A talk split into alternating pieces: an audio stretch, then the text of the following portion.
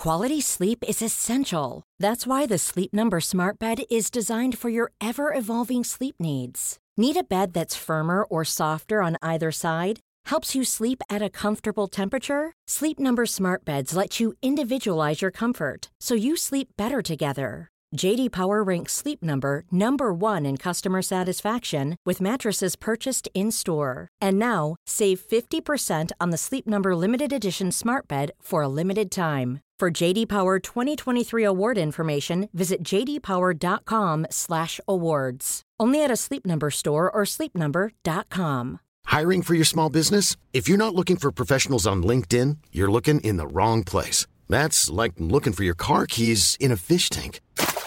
LinkedIn helps you hire professionals you can't find anywhere else, even those who aren't actively searching for a new job but might be open to the perfect role. In a given month, over 70% of LinkedIn users don't even visit other leading job sites. So start looking in the right place. With LinkedIn, you can hire professionals like a professional. Post your free job on linkedin.com slash people today.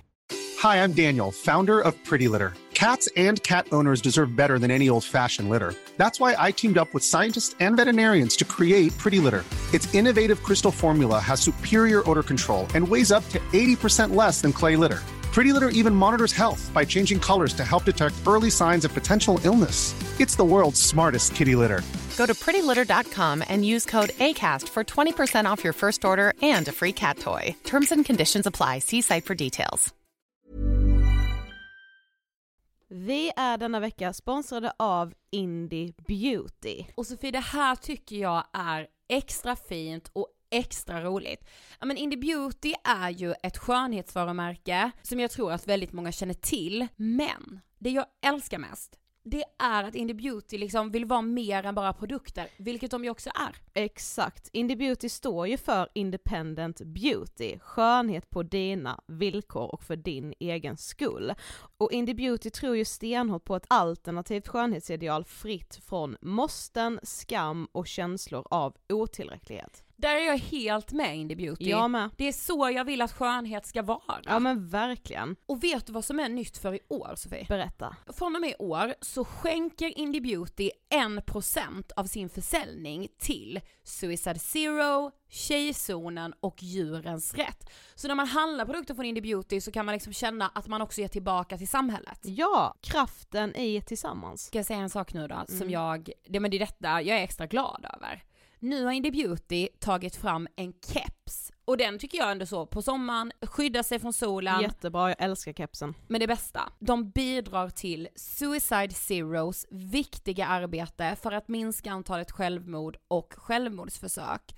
Så, för varje såld keps så går hela vinsten, 100 kronor, direkt till Suicide Zero. Då kan man liksom göra nytta både för samhället och sin hud på en och samma gång. Ja, och kepsen kostar 169 men alltså hela vinsten går då som sagt till Suicide Zero. Mm. Så om man vill göra skillnad när man är där ute i solen, nu när den börjar titta fram, då ska man välja den här kepsen. Den säljs exklusivt på indiebeauty.se och på Apotea. Tillsammans kan vi skapa en ljusare framtid. Vi ses med kepsarna på! Tack Indie Beauty! Vi är sponsrade av Mindler och som ni säkert vet sedan tidigare så är vi ju ute på psykologresan tillsammans. Men hur vet man egentligen när det är dags att söka hjälp? Ibland uppstår saker i livet som kommer utmana oss och kännas tufft. Det mesta självläker vi oss igenom, för vi är menade att ta oss igenom en viss mängd påfrestningar. Men ibland behöver man professionell hjälp för att ta sig ur jobbiga perioder i livet. Men vart går då gränsen? Vad är en del av livets skavighet och när är det läge att söka hjälp? Det sägs till exempel att stress är farligt, men att också kan vara bra. Alla sover dåligt ibland, så när har man egentligen sömnproblem? Ångesten kommer väl krypande för de flesta någon gång. Så när ska man se ångesten som outhärdlig? Hur vet jag? Med oss som psykolog har vi såklart min gamla psykolog Linnea Seidbrant. Men Linnea, vad är egentligen utmattningssyndrom? Utmattningssyndrom är en konsekvens av svår och långvarig stress utan möjlighet till återhämtning. Mm. Vi är ju då skapta för att klara av stress, men vi behöver också återhämtning. Om du utsätts för för mycket stress under en lång period utan att du får till den nödvändiga återhämtningen så kommer kroppen till slut att säga ifrån. Och det är faktiskt så att alla har en gräns. Du kan drabbas av en rad fysiska eller psykiska besvär som trötthet, sömnproblem, hjärtklappning, besvär från magen och tarmarna och mycket annat. Och det här är ju då varningssignaler och tecken på att du kan behöva göra någonting åt din situation. Annars så kan besvären utvecklas till att du mår så dåligt på sikt att du blir psykiskt och fysiskt utmattad. Ladda ner Mindler till din telefon och läs mer på mindler.se.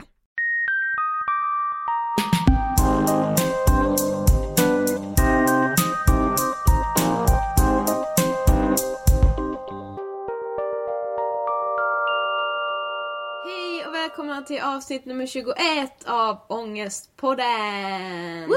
Hej och välkomna! Wee. Jag är på så sjukt bra, strålande jäkla humör idag. Ja, jag med. Strålar som solen. Ja, jag gör det. Ja, Ser du typ. väl? Ja, typ. Fast jag var lite så här, jag blev typ sur på mig själv innan för jag, stod, jag har nyss avslutat en session här hemma Mm. av eh, klädkaos, eh, klädprovning slash få damp över min garderob. För jag har inga kläder på mig i helgen när vi ska på Summerburst. Ja men du det är så jävla ytlig ångest. Ja jag vet men jag har även ränt runt på stan lite efter jobbet och sen och det var så mycket folk och jag bara nej det här åker jag inte. Alltså jag, det var typ så här, eh, 10 meter till varenda provrum och jag vet inte, nu stod jag där framför spegeln och hade sett så här Coachella inspiration från Instagram. där var jag. Jag vet. Och såg mig själv och bara, "Ah, där är jag. Jag vet, jag förstår vad du menar. Mm. Men samtidigt så får man tänka så här. Alltså det är ändå Summerburst och du kommer ha kul. Ja, men just nu känns det som att ja, kul kommer jag ha. Men!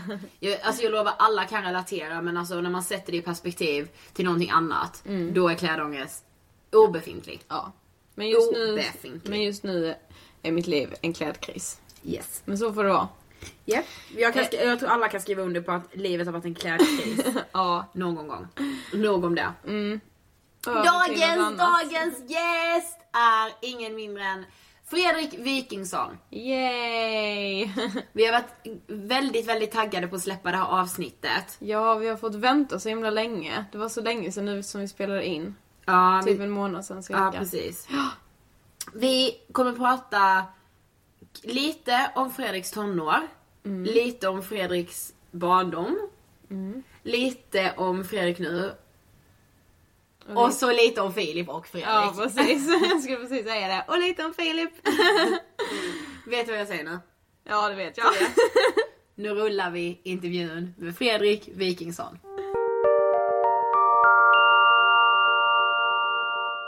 Och välkommen Fredrik Wikingsson. Tack så hemskt mycket. Ska vi ha ett, ett kaffesörpel i början så, man, så att det låter trevligt? Det låter Det väldigt låter såhär... Ja, lite Ja, trevligt. ja. Så, bort med all ångest nu. Kaffe, kaffe och lite, lite ljud- munljud. Löser allt. Mm, det för allt. Alltså vi höll på att få ett nervöst sammanbrott innan du skulle komma. För vi har varit så nervösa för den här stunden. Är det så? det är Varför då? Ja men jag vet inte för du är en sån inspiration för oss och verkligen så här. Ja men vi ser upp så mycket till dig och Filip. så, ja, men så det var ju väldigt snällt av er. Men Men, sen har vi blivit så här inför våra kompisar nu, vi bara nej men onsdag där kan vi inte, vi ska träffa Wikingsson. Alltså så att vi är jättenära dig. ja, ja, men vad fan så det är vi. vi. Bara man är i det här rummet tycker jag det känns väldigt intimt. Ja. Ja. Det känns ju väldigt konstigt för oss att ställa frågan vem du är. Men om du skulle träffa någon som absolut inte har en aning om vem du är och vad du sysslar med, hur Mm. beskriver du dig själv då? Oj, oj. Jag vet att eh, amerikanska skådespelaren John Wayne var en gång inbjuden till Harvard för att bli utsedd till årets amerikan. Och det var när han var, när, när amerikanska universitet var som absolut mest vänster. Och han var symbolen för amerikanska högern med liksom cowboy, han var en gammal cowboyskådis liksom. Och de bjöd väl in honom nästan ironiskt för att det är så här, vi skojar med den där gamla gubben för att som om vi skulle bry oss om honom. Men då var han så jävla charmig så alla älskade honom där i alla fall. Men då fick han en fråga, How do you look upon yourself? Och då bara svar, tittade han bara ut och så sa han bara I'd rather don't. I'd rather don't. Alltså, I'd rather not. För att han tycker att liksom man vill inte stå och se sig själv i spegeln i onödan. Och det är samma sak här. det värsta som finns är att ens fundera kring vadå, vem är jag och sådär. Men ibland hamnar man ju kanske på en middag med, låt säga, en människa från Bolivia. Och då får man ju kanske fråga vad gör du? Så det kan väl vara ett sätt att behöva svara på den frågan. Eh, och vad ska jag säga då? Jag tror jag, jag får väl säga då att jag på ett mer svepande plan kanske har haft turen och kanske energin nog att få göra väldigt mycket det jag vill. Och det tycker jag faktiskt definierar ganska mycket hur jag ser på mig själv som en yrkesperson. Snarare än att jag gör TV eller man skriver en bok eller ger ut en film eller något sånt där. Så är det, de, alla de grejerna förenas i att på något medialt sätt lyckas jag ha väldigt, väldigt kul med min bästa kompis. Mm. Och, det, det, och det är jobbdelen. Sen är jag givetvis en stolt far. Det är en del av min identitet och sådär också. Men det är lite geggigt. Men, men vad gäller liksom jobbdelen så tror jag ändå att det är ett sätt man kan definiera det. Mm. Eh, när vi hörde av oss till dig så skrev vi så här att vi ville prata om killars tonår. Mm. Och anledningen till det är att vi har upplevt nu när vi har drivit den här podden sedan januari att det pratas otroligt lite om det. Det pratas otroligt lite om ångest och psykisk ohälsa. Mm. Men just när det kommer till killar och att vara typ så 13, 14, 15, 16 år. Mm. Det pratas det aldrig om, känns Nej. det som. Eh, om vi frågar dig först, hur var du som tonåring? Minns du liksom? Ja, men kan vi först prata om vad ni tror att jag... För jag tror att det pratas ju inte om tonåringar när jag var tonåring heller. Nej. På något sätt. Varken killar, killar eller tjejer. Mm. Nu tror jag att konsekvensen av att det pratas mer kanske och det här vet ju inte jag eftersom jag är betydligt äldre. Men det känns som att anledningen till att det pratas mer om tjejers tonår är att det, många tjejer har det så förjävligt. Och det kan vara liksom skoluppror i Göteborg för att någon har lagt ut liksom nakenbilder på mm. Insta. Eller så Det känns som att det är vidrigt tufft för tjejer och det är, därför är det rimligt att det pratas mycket om det. Mm. Så att det, men, men det är klart, det, det, kan säkert leda till viss förvirring för killar som är 13, 14, 15, vad det nu kan vara. Som mm. tänker, vad är, vad är vår situation nu? Och andra sidan, det pratas ju inte om oss när vi var tonåringar heller, men för mig var det ganska bekymmerslöst får jag ändå säga på så sätt att det fanns liksom ingen, det var, jag var inte mobbad, jag var liksom inte... Jag var, det var lite skört på så sätt att när jag började sjuan så flyttade jag till en ny skola och det är ju speciellt. Eh, jag flyttade från djupaste västgötska skogarna till Norrland.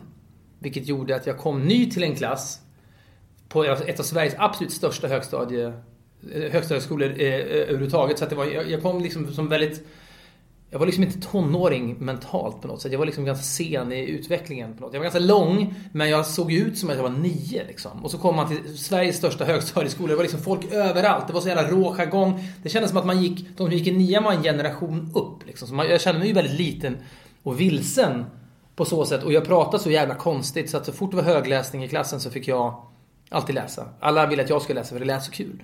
Och det var ju, då är man ju väldigt nära det var, det var verkligen inte mobbning. Jag tycker inte synd om mig själv, men det var nära. Det kunde tippat över. Om jag hade haft oflax så hade det kunnat gå... Jag, kände, jag fick en korn på det här skulle kunna gå lite illa nu. Um, men eh, jag hade det väldigt bra på så sätt att jag hade en bästa kompis. Det känns killigt på något sätt att man har... Jag tror att killar blir lätt duos. Nu är ju ni, jag vet inte hur ni, eh, ni kanske har massa... Tjejer är mer gäng eller trios eller något, jag vet inte. Fast vi är en duo. Ja, det är du. Ja. Fast lite trio men vi har liksom en tjejkompis som alltid hänger med oss. Men vi har varit duo sen typ sjuan. Hur är det för den tredje kompisen undrar jag? Alltså det är inte så att hon är utanför, alltså, vi, men det är mer så här, vi bor tillsammans, mm. vi har haft samma jobb, eh, nu gör vi podden tillsammans, mm. vi gör väldigt mycket tillsammans. Sen att hon Vänskapligt är ju hon, är vi en trio. Mm. Men vi gör så mycket tillsammans. Vi gör liksom jobb tillsammans, bor tillsammans. Men när ni drog igång podden, mm. hade ni ångest för att berätta för henne att ni skulle göra det? Nej, Nej aldrig. Nej. aldrig. Alltså hon är liksom hon den mest stöttande Precis. människan som finns. Ja, ja. Mm. ja men vi, jag hade med min bästa kompis Hugo och vi, det var liksom vi. Det var bara vi. Det var min hela värld att hänga med honom.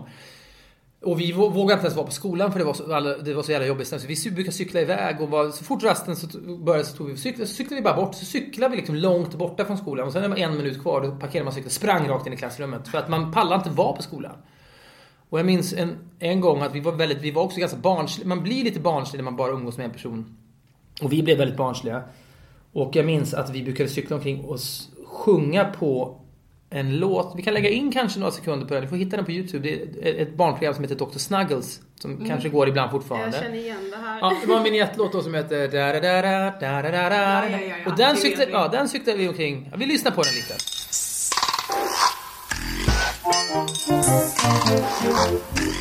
Dr. Snuggles, friend of the animal world. Dreaming of better tomorrows. Dr. Snuggles, you better start working today. Dr. Snuggles, flying away to the stars. Den cyklade vi omkring eh, och sjöng på. Eh, och så minns jag att vi cyklade runt ett hörn en gång och sjöng den i, för full hals. Jättebra. Och så gick det kanske 15 niondeklassare där. Som hörde det här, som, så kallades vi Dr. Snuggles hela året sen. Men det var inte så att det blev värre än så, men det var så här, man var så jävla liksom rädd för att göra fel. Så att vi var, det var bara vi mot hela världen på något sätt. Och det var en jävla räddning för mig. Jag vet inte, utan Hugo så vet du fan vad jag, då hade jag liksom det var, så, det var så, vi bara skapade liksom en egen värld. Vi lyssnade bara på musik från 60-talet, vi höll på med tv-spel. Vi, och liksom, vi höll på med travhästar och så här, och skötte dem. Det var bara, vi hade en helt egen, så jävla... Vet, vi kunde cykla ner ibland till tätorten där vi bodde för att se när folk söp. För vi gjorde det absolut inte. Men vi stod och tittade på folk som söp. Det var vår liksom helgunderhållning. Otroligt. Jag, jag, jag hör ju berättelser om to, hur tonåringar beter sig. Även då och nu. Det är inte så förändrat kanske. Men folk liksom knullar tidigt och så. Vi var så. Jag vet inte, Filip som jag är nu, min Hugo så att säga. Berättar liksom om när de gick i åttan hade runktävlingar i, i omklädningsrummet. Vem som kunde komma först. Och de knullade i bastu. Så här, ja, Hugo hade liksom, liksom... Ja, det leder lite in på nästa, På nästa fråga. fråga. För när vi tänker så här på killars tonår, då tänker vi just på det här om en kroppsutveckling, lite som du var inne på, att du var så lång men ändå så smal. Eh, komma in i målbrottet och det känns som att killar måste, det känns som att de har en press på sig att så här prestera i någon idrott, med sexdebuten, tjejer, alltså allt sånt. På ett sätt kanske det är sant, men för mig... Det, jag och Hugo skrev, men jag och Hugo skrev våra egna regler. För det var, ing, det var inte aktuellt att någon av oss skulle skaffa någon tjej eller få någon tjej. Eller, vet, jag kysste inte en tjej på hela högstadiet, kanske i trean på gymnasiet. That's it. Ingenting. Det var bara vi. Vi bara gjorde egna grejer. Helt, men det var... Jag tycker det är jättefint. Ja men så här, det var det på sitt sätt. För utan det, alltså visst. Det kanske, utan Hugo kanske jag hade tvingats ut i något slags annat liv. Men jag var nog inte redo för det. Jag, det var bara vi. Det var helt... Det, och det var verkligen fantastiskt. Jag tyckte det var toppen. Ja. Men det var ju... Och sen visst, i gymnasiet blev man lite mer, jag och han började göra filmer, roliga sketcher tyckte vi då som vi visade på klassfester, vilket är helt sjukt egentligen att man hade självförtroendet att göra. Och de var väl sådär, men man, skojade om saker i klassen. Eh, så då, då hade man ju lite mer självförtroende och liksom visade mer framfötterna. Men eh, det var fortfarande liksom en bubbla av oss. Vi, åkte, vi gjorde sällskap till skolan varje morgon. Vi, skulle, vi lärde oss att vi kom cyklande från varsitt håll och möttes liksom i en T-korsning. Varje morgon. Och vi tajmade så vi skulle på klock, vi skulle kunna mötas i en high five i den här korsningen så här. Exakt på sekunden. Och när vi väl lyckades, det tog flera månader att få till. Innan vi lyckades tajma det rätt. Och då var vi så, pratade vi om sen. Det var sånt, det var sånt vi gjorde. Ja. Eh, Men om du tänker, varför tror du att det är så svårt för killar att våga prata om deras psykiska ohälsa? För vi har så här, vi har tänkt på det. Och antingen så kan man ju säga så enkelt som att det är så här att, ja men det är det här typiska att, ja men det skulle vara omanligt och det, det ses inte som accepterat att göra det. Eller kan det vara så enkelt som att tonårskillar har ingen förebild riktigt att se upp till på just det planet? Det kan nog kanske vara så. Så kan det nog vara. Att, att de många så här tonårsför... Eller de som... Folk som make a splash i livet för en tonåring är antingen kanske någon som gör roliga grejer på, i reality-tv exempelvis. Det kan vara en idrottsman som utmärker sig. Det är inte så många av dem som... Ingen av dem pratar när de är som populärast om mental ohälsa tror jag. Det är, det, en, en realitystjärna skulle kunna säga fem år efteråt, när slock, stjärnorna slocknade, ljuset slocknade, då blir jag så deprimerad. Men då är det ingen som bryr sig om den personen längre. Om, om Samir om tre år är okänd och då börjar prata om att han, må, äh, han mår så dåligt, då, då är det för sent för honom att prata om det. För Då är det ingen som bryr sig. Men om Samir, jag vet inte om, jag, det är inte så att jag sitter här och tror att tonårskillar bryr sig om Samir nödvändigtvis. Men om någon skulle göra det, då är det ju nu han ska säga det. Inte när han, när han mår dåligt av att han inte får ligga längre. Nej, Exakt. Så att det kan nog vara så att det är möjligtvis så att manliga förebilder kan tala om det där när de inte står på topp. Om Zlatan nu skulle tala ut om att han, han har dåligt själv, han kan inte sova på nätterna. Åh fan, han också.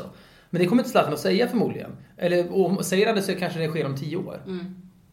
Folk måste prata mer om sånt där när de är in their prime När det kanske. är aktuellt. Ja. ja Exakt. verkligen. Men Eh, om vi lämnar tonåren lite. Du idag, om man följer er podcast och kollar på era tv-program sådär, så har man förstått att du är väldigt så här, hypokondrisk och Mm. lite nojig. Finns det någon anledning till det? Nej, det tror jag väl inte. Jag har varit ganska välsignad och har haft jättetur. Men, eller så fysiskt och så. Och det ska jag fan mig vara tacksam för. Men jag, man kan ju inte rå för vad man är rädd för. Jag har haft en hemsk jävla period de sista veckorna nu.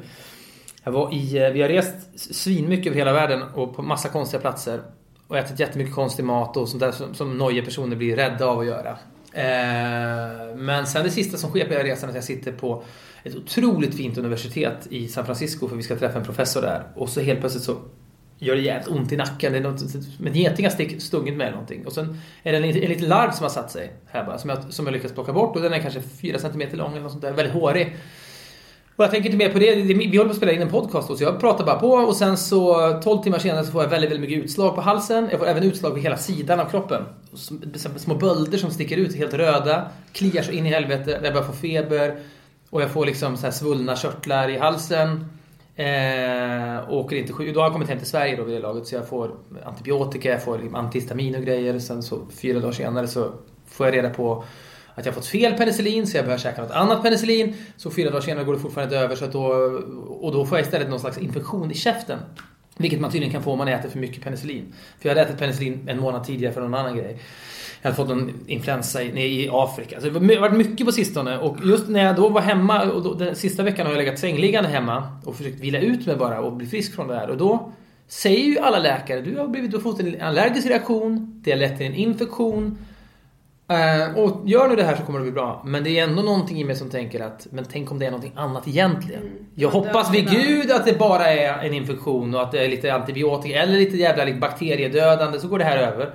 Men det finns ju, jag sitter här nu. När jag gått hit två, två gånger på promenaden hit så tänker jag ändå att jag är fortfarande lite svullen i den här körteln. Det är jättevanligt när man har en infektion i kroppen att man blir svullen i körtlarna. Men jag tänker att det kan vara något annat som är i den här körteln förstås. Mm, det är den håriga larven som. Nej, den håriga larven har satt Nej, jag tror inte den be, det, var, det var ingenting så. Men jag tror att den håriga larven bara var någonting som råkade hända. Men det som egentligen sker är att Cool fact a crocodile can't stick out its tongue. Also, you can get health insurance for a month or just under a year in some states. United Healthcare short term insurance plans, underwritten by Golden Rule Insurance Company, offer flexible, budget friendly coverage for you. Learn more at uh1.com.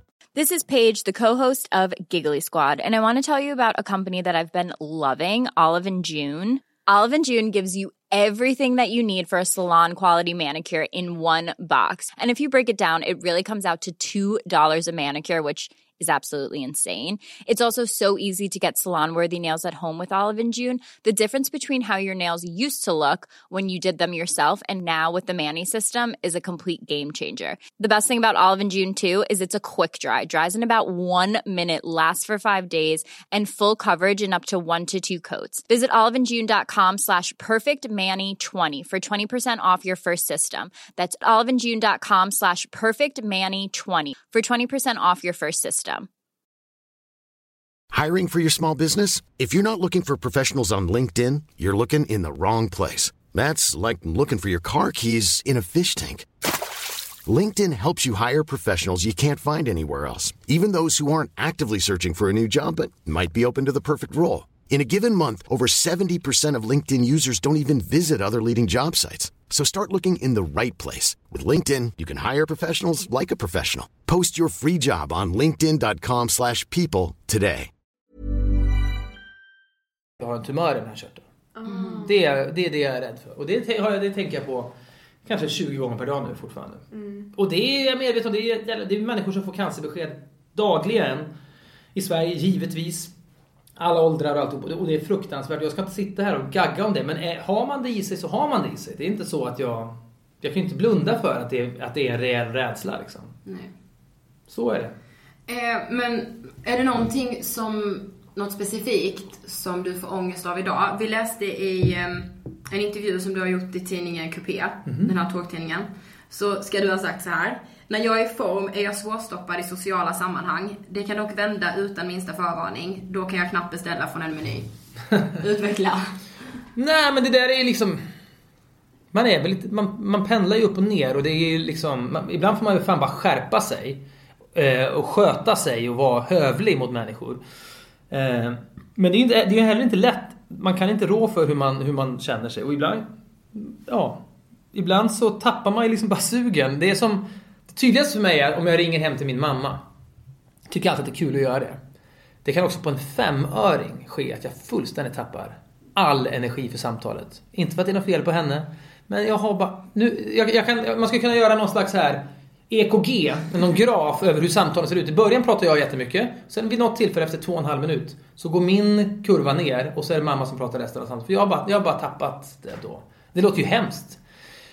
Och det, men det är någon energi som går ur den bara. Och det kan, det kan det vara för mig socialt att man känner att mm, Ikväll exempelvis ska jag och Filip på en middag. Det är någon som har vunnit någon aktion mot trafficking som jag och Filip var med och Då är det en människa som har vunnit den här middagen.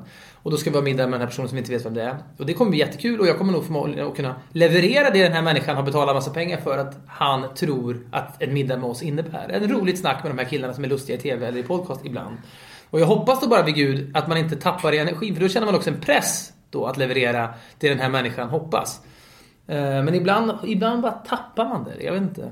Det är, det är, det är någon stundens manodepressivitet. Riktig manodepressivitet eller bipolaritet. Då pendlar det över veckor och dagar och så här. Men det, för mig kan det också vara att man bara så här. Det är som ett ljus som släcks bara plötsligt. Uff. Men när du hamnar där, vet du då att nu slocknade ljuset här, nu, är jag, nu låter jag min mamma prata resten av samtalet för jag kommer inte komma tillbaka? Lite Eller- så, men, jag, men Filip har reagerat på det några gånger. Jag minns att han sa ganska tidigt i vår vänskap när vi var i Los Angeles en gång. Vi hade haft så jävla roligt. Vi var ganska nya i vår vänskap då. Vi delade rum på ett hotell som heter The Standard i Los Angeles. Rum 220 bodde vi alltid i. Det kan vara intressant om man åker till. Det är ett ganska fint prisvärt hotell i Los Angeles. Inte Downtown Standard utan Sunset Boulevard Standard. Men då satt vi där inne och sen helt plötsligt så säger han bara vad fan hände? För då helt plötsligt tog jag upp, jag tänkte inte ens på det. Vi satt och pratade och drack någon drink, vi skulle ut sen. Så tog jag upp någon tidning och började läsa den istället. Och då sa han, vad fan gör du? Och då sa jag någonting, typ, nej jag, är ledsen, jag pallar inte längre nu. Vadå nu? Nej men nu, nu, får, nu får du vara tyst bara. Och så, satt jag bara, och så läste jag den här tidningen i två timmar istället. När han satt i rummet. För jag bara slocknade liksom. Och då, det, han har påmint mig om det i efterhand. Vad fan var det för någonting? Men ibland kan man få sådana att man bara så här. Jag vet, det kanske är för att jag är så jävla pratkvarn. Att man har bara, man måste fylla på depåerna ibland kanske. Jag vet inte. Det är extra, kanske ännu mer nu när man har barn och sånt. För då, då tillåter man liksom inte helt zona ut. Man kan inte zona ut när man har barn. De märker det så jävla fort. Om man läser en saga till och med. De läser som du menar pappa. Ja, men de är ju så raka. De säger ju direkt liksom. De ser igenom det. Det är ju ganska nyttigt på så sätt. Tvångstankar då? Har man sett dig prata lite om. Har du det? Eh, ja, det har jag väl. Och de är jätte... Det är inte så att jag svimmar om jag inte utför dem. Nej, är Men exempelvis så tänkte jag på det nu. Att jag, varje gång jag går och lägger mig så... Så sätter jag... ja, Det sista som är i golvet är ju fötterna. Och då måste jag känna att fötterna liksom... Att jag liksom nästan tar åtta steg. Vänster, höger, vänster, höger, vänster, höger, vänster, höger. Och så måste höger vara sista fot som lämnar golvet innan jag lägger mig. Och det är så här, alla som lyssnar på det här tänker fan vad löjligt. Men jag gör det varje kväll. Så då är det ju en tvångstanke. Det är, så- men det, det är hanterbart nu på ett annat... Men när jag gick i högstadiet så, så hade jag... jag nu, nu pratar jag mycket om det här för att ni ställer frågor om det. För det, kan, det är så jävla... Att sitta som mediegubbe och gnälla för sånt där. Men det, det var... Jag hade väldigt prestationsångest när jag gick i skolan för jag ville få bra betyg. För jag hade ingen aning om vad jag skulle syssla med. Och då kände jag att om jag kommer på plötsligt i sista året i gymnasiet, jag vill bli veterinär. Och så har jag kassabetyg. Ja, vad fan, då är livet över inbillar jag mig. Så därför såg jag till att ha ryggen fri. Man måste ha hög, högsta betyg i allt. Måste ha bästa på all, alla prov. Vad hemskt var det. Men då trodde jag att vissa tvångstankar skulle underlätta det här. Så att då brukar jag duscha på ett visst sätt. Jag brukar alltid stå inne i det- där mina handdukar torkade i vårt... Vi hade ett pannrum i vårt hus där jag växte upp. Och då var det väldigt varmt där inne. Så då kan man hänga in handdukar och sånt. Så be dem torka, torka dem fort där inne. Då brukar jag stå där inne och liksom i mörkret, i värmen och känna där var det ingen som kunde nå mig. Där var jag trygg. Så då kunde jag stå där inne i en minut varje morgon och bara göra mig redo för dagen. Usch. Och sen åkte jag och träffade Hugo och gjorde high five. Eh, om man tänker på dig och Filip. Eh, ibland så kan jag tänka mig att ni ses liksom som en person. Mm. Kan det vara jobbigt? Kan du få ångest av det? Nej. Återigen, vi har, vi har haft sån, vi har, vi har jobbat hårt. Det har jag inget problem att stå för. Och det gör vi fortfarande. Men vi har haft otrolig tur också. Det hade liksom varit... vi, jag vet inte, vi hade tur i tajmingen. Det fanns inte så mycket manliga duos på den tiden. Det är svårare tror jag att komma fram som manlig duo nu kanske. För att man, så här, det finns redan så att säga. Eh, så vi har, vi har tur och en jävla massa räkmacka och haft så jävla kul och har fortfarande så jävla kul. Att jag kan inte gnälla om någonting med associationen med honom. Det hade varit helt sjukt. Men vi pratade om det, vi spelade in en podd i morse och då Filip gråter på kvällarna nu för han tycker så synd om David Letterman som ska sluta nu, amerikanska talkshowvärlden. Och han tycker så synd om, hur ska, det, ja, hur ska det gå för Letterman nu och så vidare. Och då säger jag, men han kanske mår jättebra. Sa jag då när vi spelade in i morse att, att han kanske tycker att det ska bli kul att sluta, att han vill göra någonting annat nu. Ja men vad fan, han har ju så kul när han gör det här. Jo men han kanske kan ha kul när han gör någonting annat också. Och då sa han, men om vi skulle sluta nu, skulle inte du bli ledsen då? Då sa jag så ja alltså om någon skulle säga så här, nu räcker det, nu drar jag ur sladden, nu är ni färdiga. Då skulle jag först och främst tänka, fan vad lyxigt att vi har fått göra det här i 15 år. Och så skulle jag tycka att det är lite tråkigt att vi inte får göra det igen. Men jag skulle ganska fort tänka, okej. men vad spännande, vad, vad kommer att hända då istället? Och då blev han helt förkrossad. Men skulle du inte, för han skulle då sitta och gråta i veckor påstår han hemma. Då säger men vi, vi är ju olika. Min kärlek till det vi har och det roliga vi fått göra är ju inte mindre för att jag skulle ha lättare att gå vidare. Det är bara för att man har olika drag i sin personlighet. Förstår ni skillnaden? Ja, jag- det är väldigt lätt att tro... Jag kan relatera. Jättemycket. Jag hade ju varit Filip direkt. Ja, jag har nog med varit du. Nej men så han, han tror att det är ett underbetyg för honom. Att, att han inte betyder något för mig. Att jag skulle ha ganska lätt att gå vidare. Men det, det, det, vi kan känna exakt lika mycket för varandra. Men vi kan vara olika när det gäller att gå vidare. Ja, det, och man- betyder, det, det reflekterar inte vad man känner för varandra. Man tar ju situationer på olika sätt också. Mm. Det, ja, Ja. det, ja, det är verkligen du och Ja, jag det där. är verkligen. Jag kan ju bli förbannad på dig för att jag bara, men du måste reagera mer. Ja, hur kan du bara sitta där och bara, ja alltså. Ja. Ja, men så, det, så där är det ju bara. Men ibland kan sånt där bli väldigt personligt. Jag tror det blir en bra diskussion för oss i vår podcast. För vi pratar en del om hur man liksom, ja men hur olikheter mellan oss och sådär. Och det, var, det blev ett bra exempel tror jag på våra olikheter. Att man kan, man kan tycka om varandra precis lika mycket. Men man kan reagera för ett uppbrott på olika sätt. Mm, verkligen. Du sa att du hade prestationsångest i skolan för att du ville ha höga betyg och så. Och nu släpper ju du och Filip nya saker hela tiden. Nya film och nya podcast, nya TV. Har, har ni prestationsångest nu också? Eller alltså är ni någonsin rädda att det ska bli liksom världens flopp? Ja, gud ja. Gud ja. Usch, filmen... Är ni verkligen? Alltså, det känns såhär, ni kan inte vara det. Jo, men filmen, filmen är nog det värsta på ett sätt. För att det, det, det betyder... Den här historien betyder... Jag vet inte om ni har sett den filmen? eller? Jo, Ja. två gånger. Ja, vad kul. Ja, men den, den, eh, jag tror aldrig vi har investerat dels otroligt mycket tid på det. Eh, Det har tärt en del på ens familj såklart, för man har varit iväg så jävla mycket. Eh, och våra fruar har varit väldigt förstående för att de har förstått att det här har varit något extra emotionellt för oss. Men vi har känt så jävla mycket för killarna i laget och alla som har, de här mäktiga hjältarna verkligen i Borlänge som har orkat göra det här. Så att om filmen, dels att de spelarna hade bara hatat den, det hade ju varit katastrof. Och om kritikerna, eller folket som bara säger jaha, men varför i helvete slarvar ni bort den här Det hade varit så jävla jobbigt så att ja, årets värsta stund på prestationsångestplanet var nog den dagen i Göteborg i januari när vi skulle på Göteborgs filmfestival. Vid klockan 12 skulle ha en jävla presskonferens för att då hade alla, den första vändan journalister sett filmen. Och det är de, jag bryr mig inte om att de är journalister men det var de första som såg filmen. Och det är ändå någon slags lackmustest på hur folk kommer att reagera. Och då promenaden in i det rummet, där de, så här, jag, jag, stod, jag var på hotellrummet själv, min fru stod inte ut, hon gick iväg och fika med någon kompis. Så jag var där inne själv och bara stirrade ut i någon snörök och tänkte så här.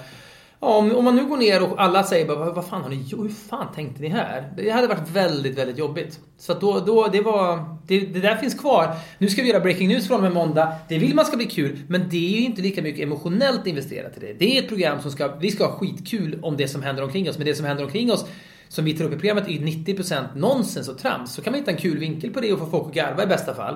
Eh, men man har ju inte lika mycket extremhjärta med som vi hade i filmen. Nej. Men hur ter sig prestationsångesten då? Alltså... blir Nej, det är bara o- det är oro. Ja. Egentligen så här, man gör vad man kan. Man kollar klippningen, alltså vi... Jag tror i och för sig att det gör att man anstränger sig lite mer också. Vi hade i filmen, om man ska gå in på detaljer, så hade vi väldigt mycket så kallade speakerröster med i filmen. Väldigt länge.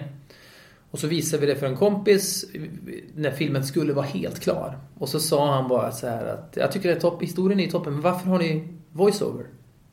Ni säger ju bara saker som vi redan vet om sker. Och så filmen skulle ju vara klar morgonen efter. Så att jag, och det här var, klockan var fem på eftermiddagen. Så att, jag vet inte, vad ska vi göra då? Ja, men jag tycker, skit i den bara, sa han. Och så gick han. Och så satte vi oss då vid... Filip var inte i Sverige då, men jag och de, Karin och Anders som gjorde filmen och David som klippte den och bara... Okej, det är 13 voiceovers, vi la upp dem på något, i ett Word-dokument. Här, de här behövs inte, bort med de tre. De här tre kan vi ta bort om... Om jag, jag sa, om jag åker till Västerås nu med en bandare som vi spelar in podcasten på, typ, här. Och så träffar jag förbundskaptenen och så får jag honom att säga några grejer. Då kan det vara istället för voiceover. Då är det bort med tre till. Och sen gör vi det här, så tar vi ljudet från det där. Då fick vi jobba till fem på morgonen. Och sen liksom helt yra i huvudet komma upp till SF och visa filmen utan voiceover. Och jag säger inte, det är ingen stor sak, för den kanske, filmerna kanske funkar med voiceover, men vi har ju voiceover i TV jämt. Och då hade det känts som ett TV-program mer kanske. Och det, jag tror att filmen blev mycket bättre för att vi alla orkade. Men det är jobbigt när man vill vara färdig med någonting. Man tror, nu är vi färdiga, vad tycker du? Bort med voicerna. Ja, och, och där tror jag att prestationsångest ibland kan vara bra. Man känner, ja den blir bättre. Mm. Ja okej, vad innebär det? Ja, då får vi vara uppe hela natten och så måste vi ju, alla måste göra massa mer jävla jobb. Mm. Men så att jag, så jag, jag, jag, det är inte för att jag sörjer att jag har det, men det kan vara, det är bökigt och, och, och massa oro i sig. Men det gör nog att man slipar knivarna lite mer. Sant. Mm, det tror jag också. Eh, kan man få prestationsångest kring att vara en sån förebild som du ändå är? Nej, det tycker jag inte. Tänker du någon gång så här: shit jag måste tänka på vad jag lägger ut eller vad jag gör för jag är en sån förebild? jag, jag tycker att det är ett problem idag att, att för många människor tänker på det. Vilket säkert är bra på massa sätt, men det, det blir... Jag sysslar ju med underhållning. Om man sysslar med underhållning och för mycket bryr sig om vad folk tycker och att man ska tycka rätt hela tiden, då blir det väldigt slätstruket. Väldigt många människor idag kallas för genier för att de säger saker som andra håller med om. Inte för att de säger dem bra, eller för att de överraskar, eller för att det är nyskapande, utan nej, de säger saker som andra håller med om. Och då, är man då blir man geni väldigt kortsiktigt egentligen. Eh, och, och om, om man skulle konsumera det fem år senare så är det så här, gud vad tråkigt det här är. Men folk är besatta av att få höra det de själva tycker redan. Jag har aldrig varit, under hela min livstid har det aldrig varit så, så mycket som det är nu. Säger du, uttrycker du en åsikt som är politiskt korrekt åt, åt liksom, inom olika liksom, känsliga sfärer, då blir du geni. För att du, för du bara säger det folk håller med om. Och, det, och sen är det jättebra att folk höjer sina röster och sådär. Men man får liksom inte bli... Man kan liksom inte tänka på det bara. Jag tror att det är liksom... Man ska nog försöka använda att man har ett fönster och kunna påverka då och då. Men om man... Jag vet inte fan, det blir så jävla tråkigt till slut. Det, och ett av ens främsta jobb, om man har mitt jobb, det är att inte bli trist. Liksom. Om jag bara skulle liksom basunera ut, gör det här, tänk på det här och fy åt det där. Jag, vet, jag tycker att det är skittrist. Det är framförallt det. Det är, det är inget karriärval mind you. Det är inte så att jag tänker så här, oh, då kommer folk att tröttna. Jag, bara, jag, jag tycker bara att det är trist liksom. Mm. Men jag tror det är därför kanske ni är såna stora förebilder också. Alltså så har det ju varit för oss i alla fall. Om det har alltid varit så här: ni bryr er inte. Ni går er egen väg liksom. Och tänker inte på att man måste passa in i den här ramen eller, eller i det här facket. Och då känner man det själv också att nej, jag behöver inte. Jag behöver inte tycka som de flesta andra tycker eller säga som de flesta andra gör. Nej, men jag tyck, jag, jag- ett av de första programmen vi gjorde var ett program som hette Ursäkta röran som gick på TV4. Och det var väldigt så här hårda reality-inslag kan man väl säga. Inte dold kamera egentligen, men man gick runt på stan och liksom Ja, konstiga enkäter och liksom ja, märkliga inslag. Eh, och vi hade egentligen en tanke med alla de där jävla inslagen och kunde motivera allihopa. Men vi tyckte bara att det vore så trist att föregå varenda inslag med att stå i en studio och säga så här. Nu är tanken med det här att vi ville göra en kommentar i, om historielöshet i dagens samhälle. Därför vill vi göra en, en SM i nazistreferens där vi ska skoja med en realitystjärna för att hon inte vet någonting om nazisternas historia. Bla bla. Varsågoda. Då hade det programmet säkert blivit mindre utskällt. Och, ja, okej, det är lite satir och sådär. Men det hade varit så här tråkigt att förklara sig hela tiden också. Att vi, så här, bara, det här tycker vi är skitkul och vi vet varför vi gör det. Vi, vi kan bli hur utskällda som helst för vi är trygga i det. Jag står för varenda inslag i den här serien fortfarande för jag vet varför vi gjorde dem. Ehm, men men det, jag, jag, det värsta jag vet är liksom humor som kommer med en slags emotionell eh, innehållsdeklaration. Nu ska ni känna så här. Och ni, för det här är, tyck, är ju ett uttryck för någonting ni säkert håller med om, eller hur? Varsågoda. Det är hemskt alltså. Men det känns ju som att det krävs väldigt mycket självförtroende för att våga bara gå sin egen väg så som du och Filip har gjort. Ja, men det är mycket, jag, vet, jag kan inte sitta här och säga att vi har så bra självförtroende, men det är mycket lättare att göra sånt överhuvudtaget om man är två. Ja, Jag kan, alltså jag, jag, när det stormar och jag menar, vi har haft en del så här media minidrev kring oss för folk har varit upprörda över grejer man har gjort. Det är så jävla mycket lättare om man är två. Faktiskt. Mm. Jag vet inte riktigt hur man skulle hantera det om man är själv tror jag. Sen är det ju vad det är, det är ju stormar i vattenglas. Eh, men det kan, fort, det kan vara jobbigt ändå på några sätt. Ehm, men eh, som sagt, är man två så Har man en Hugo? Ja, precis. Ja. Okej, vi har kommit fram till den sista frågan Mm. som vi frågar alla våra gäster. Vad inspirerar dig? Ja, det var en jävla bra fråga. Det tycker jag är bland det viktigaste som finns. Att hitta sånt som... Eh, jag tror nog att det är... Eh, det här har vi säkert pratat om i något sammanhang, vad man inte pratat om. Men en amerikansk skådespelare som heter Marlon Brando som eh, har varit död i 15 år kanske. Han spelar Gudfadern och massa så här roller way, way back. Men han, det, det kom ut en bok om honom en gång som hette för han förnyade skådespelaryrket och jag bryr mig inte så mycket om skådespelaryrket egentligen. Jag gör vad ni vill, vi behöver inte prata så mycket om det för så fascinerande är det liksom inte. Men skådisar älskar ju att berätta om hur otroligt svårt det är och så. Eh, men då hette boken om honom hette The way it's never been done before. Eh, för att han gjorde någonting då som inte hade gjorts förut. Och gud vet exakt vad det var. Men det på något sätt kan jag förstå vad de menar. För att före honom så var skådespelare lite mer Hamlet och det var lite mer teater. Men han, han mumlade och han snackade som folk gör lite mest liksom. Och det, varje gång jag ser någonting i vilken genre som helst där jag tycker att det här har jag inte riktigt sett tidigare. Det här är någon som vågar göra något som inte riktigt är gjort tidigare. Det tycker jag är, jävligt för det är det, är det svåraste. Det är jävligt lätt att sätta upp ett finger i luften och säga det här gör många nu, nu ska jag försöka göra det. Eh, det är jävligt lätt. Det är svår, men överhuvudtaget då, det, vi kanske återkommer till just att det är mäktigt med folk som gör grejer överhuvudtaget. Men framförallt folk som gör grejer på ett eget sätt. Det, det, det kan vara, och det kan vara liksom en, en, handla om en fotbollsspelare, eller det kan handla om en skådespelare, eller det kan handla om vem fan som helst man har hört talas om. En sjuksköterska man läser artikel om som gör någonting som är liksom nytt bara. Det, jag tycker det är... Det, det finns... Det går att göra med allt. Och det tycker jag är mäktigt. Mm. Inspirerande. Ja. Yes. Ja, bra svar. Du ska ha tusen tack för Ja. att du ville Ja, jag var det lilla det. Det var det lilla det. Det var kul att vara med. tack. Vem blir nästa intervju? Har ni någon på gång eller? Ja men det avslöjar vi inte. Nej. Gör ni inte det? Nej. Nej. Det är sådana som håller på det. Ja, Ja, okej. För det har vi sett att man gör. det är så man gör. Gör man? Fast vi kanske ska göra något eget i och för sig. Vi kanske ska... Nej. Vi kanske ska... Ni ska säga massa gäster ni inte ens har bokat. Ja, precis. Ni gör människor besvikna. Nej men ni gör precis som, ni kan det här bättre än jag. Ja, men ly- lycka till med allt. Tack så mycket. Ja, vi kan ju det här bättre än Fredrik Weggesson tror jag. Ja, ja, ja, ja. Jag gillar att han säger det, det gör jag. Ja, jag med. Ser vi. Alltså åh, jag gillar verkligen den här intervjun så mycket och jag, Sofie du är min Hugo. Ja, ja, du är min Hugo.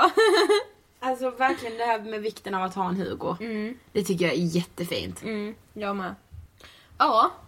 Nästa vecka pratar vi självskadebeteende. Ja, det gör vi. Mm, så missa inte det. Nej. Glöm inte att följa oss på Instagram. Där heter vi Angestpodden. Jag heter Ida Hockeystrand på Instagram. Och jag heter... Det ska ni fan veta nu. Sofie Hallberg! Om ni vill följa Fredrik på Instagram så heter han F. Wikingsson och även på Twitter heter han F. Wikingsson. ja. Yes, det var allt för den här veckan och vi vill tacka er för att ni har lyssnat på Ångestpodden. Ja, ha en görbra helg. Varför vill jag säga det på göteborgska? Jag vet inte. Ingen aning. Nej. Vi hörs nästa torsdag precis som vanligt. Puss! Hejdå! Hejdå!